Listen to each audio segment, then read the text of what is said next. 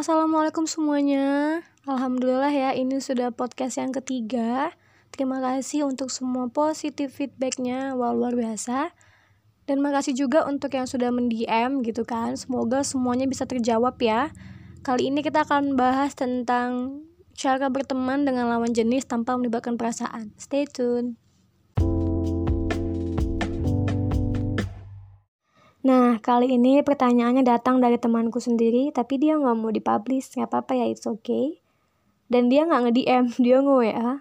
Yang inti pertanyaannya itu adalah, apa bisa temenan sama lawan jenis tanpa melibatkan perasaan? Wow, deep ya.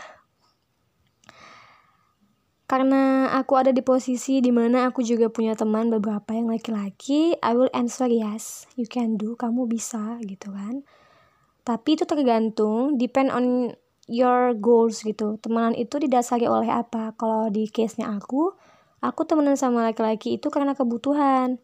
Di mana memang we have some projects that we need to do together and I I must always communications and connected with them gitu loh. Kita harus sering ketemu karena membahas project atau kegiatan kita harus bersama-sama gitu.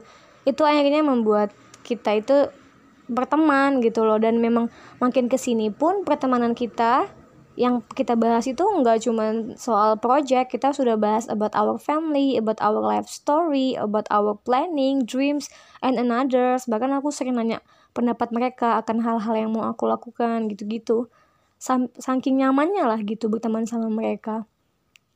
Dan aku udah nganggapnya kayak my brothers gitu jadi aku nggak pernah punya feeling kayak love ingin memiliki more than friends aku nggak pernah. Karena aku mau jadi teman yang profesional ya udah gitu. Mungkin kalau misalkan kebutuhan kita udah selesai nanti kita nggak mungkin lah seakrab ini lagi gitu kan. Jadi sekarang ini tergantung sama niat kalian tuh temenan awalnya apa. Dan gini ya wajar sekali juga memang di luar sana banyak yang sahabatan lawan jenis cewek cowok mereka sahabatan akhirnya mereka suka. Itu nggak apa-apa itu wajar ya. Karena gini loh manusia itu kan punya tipe idealnya masing-masing untuk milih pasangan. Yang mungkin aja sahabat kalian itu tipenya tipe kalian sekali gitu. Ada beberapa karakter dia yang kayaknya ideal lah untuk kalian. Akhirnya timbul rasa suka. Dan sekarang yang harus kalian lakukan adalah how you to handle it. Mau di stop aja udah sekedar suka atau mau diterusin perasaannya lebih dalam lagi ya you need to be confess kalau sudah sampai di tahap perasaan yang sangat dalam kamu harus confess to her or to him gitu loh. Tapi ya memang harus terima juga risiko terburuknya. Mungkin kan bakal ditolak karena dia memang cuma nganggap teman atau pertemanan kalian tuh jadi canggung nggak akan seakrab ini lagi gitu. Tapi ya nggak apa-apa ya kita kan sahabatan. Terus kalau misalkan sahabat kita suka sama kita ya itu aja kita nggak bisa marahin dia kita nggak bisa ngelarang selama kalian nggak terbebani selama kalian nggak dirugikan itu nggak apa-apa.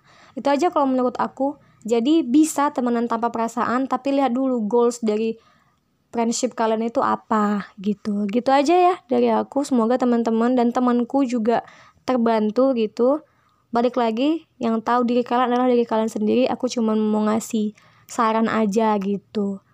Sekian ya saya Fani. Assalamualaikum semua